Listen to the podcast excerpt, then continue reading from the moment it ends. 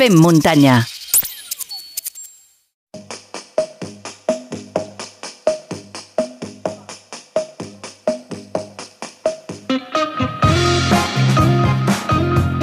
Moment ara al Fem Muntanya per baixar una mica les revolucions. Eh, Marc Cornet, eh, benvingut, com estàs?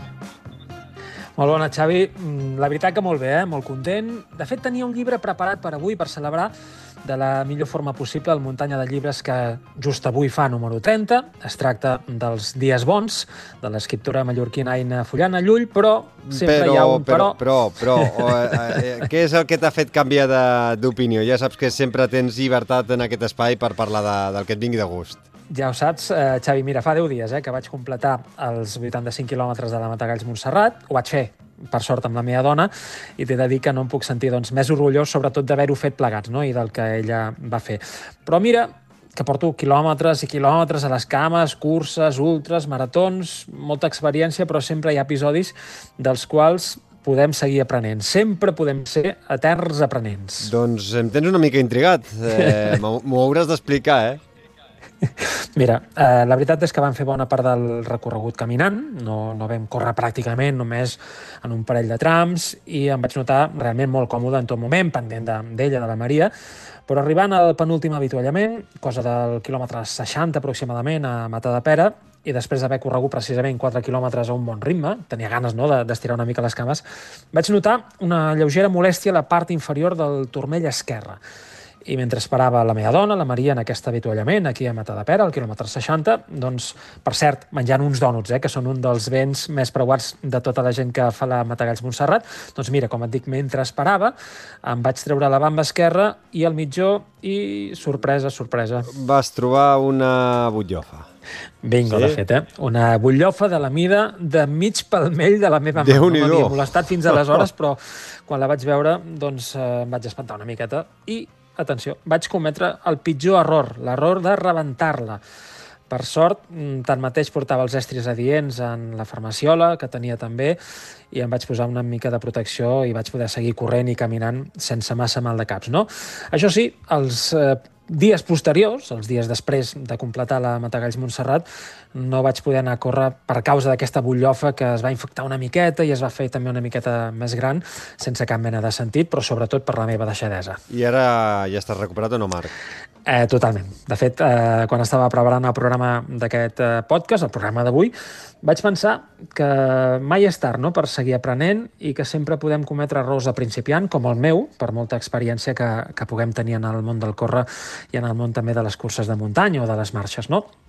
És per això doncs, que he volgut recuperar també uns consells que fa uns anys em va transmetre un dels millors, bon amic i també millor podòleg, en aquest cas l'Enric Violant. Com ho veus? Et fa el pes o no? Home, Enric Violant eh, és eh, un amic de, del podcast, eh? Ja se n'ha passat per aquí un parell de vegades, vull dir que em sembla perfecte, Marc. Doncs mira, uh, per aquest motiu, eh? Uh, pel qual és el motiu aquest que us explicava, que vull recuperar aquests consells i també evitar que el que em va passar a mi i que segur que li ha passat a molts dels corredors i corredores, doncs li pugui passar a qualsevol altra persona, no? Us preguntareu si em vaig posar vaselina abans de la sortida. Doncs la resposta és sí. També us preguntareu si portava el calçat adequat. La resposta és rotundament sí. Us preguntareu també si portava els mitjons adients. Doncs aquí la resposta seria més o menys perquè, de fet, mm, vaig escollir uns mitjons que m'han acompanyat en alguna que altra marató d'asfalt, però que potser, dic potser, i segurament aquest potser és eh, rotundament no, doncs no eren els millors indicats per a una cursa de muntanya i amb tantes i tantes hores caminant. Per tant, dedueixo, Marc, que avui ens vols parlar de la importància dels mitjons? Just a la fusta, perquè sí. sempre estem pendents eh, de buscar les millors sabatilles, Sí. sí. la motxilla més lleugera, la millor samarreta, i crec que massa vegades ens oblidem, i jo em poso també al primer de la llista, eh, d'aquesta importància, de la significació dels guants que tenen els nostres peus, és a dir, dels mitjons, no? que en definitiva no deixen de ser la primera capa que envolta els nostres peus. Uns peus que rebran en aquest cas, en una cursa, en una ultra, com la Matagalls Montsegarrat, doncs milers d'impactes i, per tant, cal que els cuidem bé i cal que els acaronem bé, no? I val més eh, portar uns bons mitjons si no ens volem posar de peus a la galleda i no acabar, eh? I perdona una mica la, la broma, Marc. Mira, totalment encertada, Xavi, perquè anem precisament a parlar d'aquesta qüestió amb l'ajuda de l'Enric, no? De cap a peus, també seguint amb, amb, les, amb les metàfores. A veure, anem per pams, perquè quines característiques concretes ha de tenir o han de tenir uns mitjons per córrer? Eh, el mercat del running ho sabem, no? Ens ofereix una varietat gairebé inabastable de, de mitjons per córrer, de qualsevol tipus. Sense entrar en qüestió de marques concretes, sí podríem establir, sí podríem dir doncs, una mena de denominadors comuns. Mm, en definitiva, són quatre. El primer, hem d'escollir uns mitjons que no siguin 100% de cotó. L'explicació, el motiu, doncs que mm, aquest material, el cotó, es mulla i no expulsa bé la humitat. D'aquesta manera, el nostre peu doncs, quedarà mullat i correm el risc de patir ampolles. Eh? En aquest sentit, també és millor apostar per mitjons sintètics, de materials com el Coolmax, el nylon, el polièster i la licra, que seran transpirables, o també d'altres materials més naturals, tipus llana merino. No? Segon motiu o segon denominador comú. Hem d'optar per uns mitjons sense costures o, en el seu defecte, les mínimes possibles o amb costures planes. No? D'aquesta manera també uh -huh. evitarem qualsevol tipus de fregament. Motiu número 3, característica número 3, hem d'escollir uns mitjons que s'ajustin bé al nostre peu. Sempre és millor que els mitjons vagin més ajustats, un pèl més justos, que no pas excessivament grans. I el motiu número 4, explicació número 4, característica número 4, al pòquer, hem de buscar uns mitjons amb teixit antilliscant. Gràcies a aquesta característica doncs aconseguirem que no es desplacin quan corres i que canviïn de lloc dins del peu, que això és molt molest. No? L'objectiu, en definitiva, és que el mitjó s'estigui quiet, que no es mogui sense canviar de lloc, i en aquest sentit, com si fos una primera pell per al corredor, com si no hi hagués res entre la sabatilla, diguem, i el peu. No? Mm, L'Enric Violant, eh, que és una garantia absoluta per cuidar dels nostres peus i que, com he dit, eh, l'hem tingut un, en un parell d'ocasions aquí al, al Fem Muntanya. Podeu buscar, recuperar eh, les converses que hem mantingut amb ell. La forma més fàcil, més senzilla, és buscar-lo a la web femmuntanya.cat, en el buscador que ha, poseu Enric Violant, i allà us sortiran les dues converses. Eh? I tampoc descarto que aquesta quarta temporada el tornem a trucar perquè, com dius, eh, escolta, hem de cuidar-los, hem de mimar-los, mm. perquè és la part eh, que després també dels problemes estomacals, eh, doncs mm. els peus és un motiu per plegar de les nostres fites. Totalment, eh, Xavi? De fet, mira, com més quilòmetres fem, eh, això, el tema del menjar és fonamental, però també el tema dels peus, no? Perquè com més llarga sigui la cursa, també major serà el patiment dels nostres peus. En definitiva, són eh, el que ens aguanta.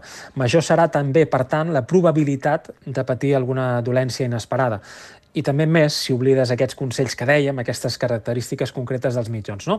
Més enllà també d'evitar qualsevol tipus de molèstia, lesió, incomoditat o com li vulguis dir, doncs el motiu també és que si no fem un bon ús dels peus i sobretot d'aquests mitjons podríem haver de deixar de córrer i per tant escollir els mitjons adients és fonamental pels efectes positius que tenen aquests sobre el nostre rendiment com a atletes. No? Hi ha una vinculació directa.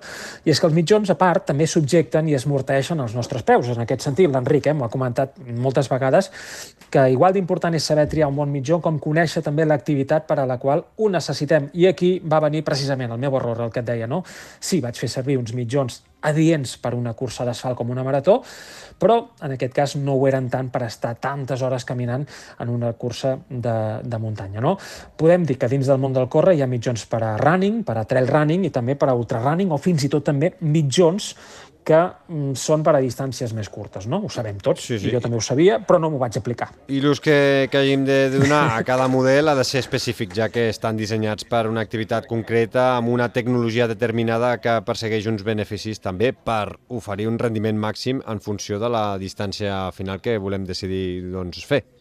Totalment, eh? De fet, eh, un doble exemple d'això eh, poden ser també els mitjons de compressió o els mitjons de 5 dits. No? Tots dos, en aquest cas, tenen un disseny específic, buscant, per exemple, en el cas dels mitjons de dits, busquen evitar les ampolles per fregament entre els dits, mm, entre ells mateixos. No? Alhora, aquests mitjons de 5 dits també poden ser una bona opció per aïllar algun dit en el qual ja tinguem alguna ferida prèvia. I en el cas dels compressius també ho sabem, triant bé la talla ens donaran una aportació extra no? al nostre retorn sanguini i a la circulació, en aquest cas, doncs, per exemple, no només als peus, sinó també a la zona de, de, dels bessons. Per cert, Marc, eh, ara que parlam de mitjons i que hem canviat d'estació de, i que, bueno, encara queda per arribar l'hivern, però que ja començarà aviat a fer més fresca, mm, teòricament hauria de, de ploure, eh, m'ha entrat un dubte que no sé si has tractat alguna vegada tu amb l'Enric, que és bo usar un, un doble mitjó durant l'hivern eh, doncs per protegir-lo del fred, per exemple? Mira, els teus dubtes, amic Xavi, també són els meus i sí, és un interrogant que, que també he comentat més d'una vegada, més d'un cop amb l'Enric. No? Uh, la resposta, aquí la teniu. Amb dos mitjons podem dir que la transpirabilitat i expulsió de la humitat doncs serà una tasca encara més costosa, no? i això és el que busquem, precisament, que aquesta humitat surti fora. Per tant, queda clar que seria totalment desaconsellable utilitzar, usar dos mitjons, i encara més en proves de llarga durada. No? És molt millor en aquest cas, per exemple, doncs, eh, optar per uns mitjons de merino, un material amb una gran capacitat tèrmica, molt transpirable també, i que és suau al contacte amb la pell, i a més també recordo, eh, la llana merino és antibacterial i evita males olors. Jo crec que amb tots aquests coneixements que gràcies als, eh, doncs a la sapiència de l'Enric avui hem recuperat, sí podrem tocar de peus a terra i si hem de patir algun contratemps, aquest no serà causa d'un oblit imperdonable com em va passar a mi. No? Xavi, espero que us hagi agradat, sobretot, que hagi canviat una mica la secció d'avui, que hagi recuperat aquests coneixements per parar als peus tot el possible a l'infortuni. I, per cert, eh, eh, que no me'n vull oblidar, si voleu aprofundir en totes aquestes qüestions i sobretot també saber com funciona el nostre peu, perquè de fet és fonamental preservar-lo, us recomano la lectura d'un llibre, eh? Diu així, el títol és Todo comienza por un paso, és del podòleg esportiu Víctor Alfaro i tracta doncs, eh, de totes aquestes qüestions i és una mena de compendi per tal que els nostres peus doncs, siguin també el nostre millor aliat a l'hora d'afrontar els nostres reptes esportius, siguin els que siguin. Doncs, eh, com sempre, superinteressant eh, i a més a més en aquest eh, segon capítol d'aquesta quarta temporada, en aquest capítol 96, doncs hem tingut eh, al final, sense voler-ho, dos seccions de, de material, perquè ara, com, com els oients han pogut eh, comprovar, han pogut escoltar a l'Oriol Antolí eh, parlant de motxilles, en què ens hem de fixar a l'hora d'adquirir una motxilla, i també parlàvem doncs, eh, de, depenent de què és el que vulguem fer, hem de mirar unes característic, característiques o unes altres, i avui amb tu, doncs, a partir d'una experiència teva, que a vegades doncs, eh, tenim mig oblidat, eh, no ens preocupem tant dels peus, doncs eh, jo crec que hem d'estar pendents de què és el que ens posem eh, entre el peu i la sabatilla i, que, i evitar doncs, arruïnar molts mesos d'entrenament abans de, de fer una ultra. Tal qual, Xavi. Com sempre, eh? per cert, gràcies per la confiança, per també poder compartir les, les meves dèries, les meves cabòries. I per cert, eh, queda pendent, ho farem en el proper programa, en el proper podcast, el llibre d'Aina Fullana Llull. Parlarem d'addiccions, els dies bons. Com sempre us dic, llegiu molt, però sobretot salut, muntanya i molta lectura, més que mai, i compta també amb els peus, eh? no els oblideu mai.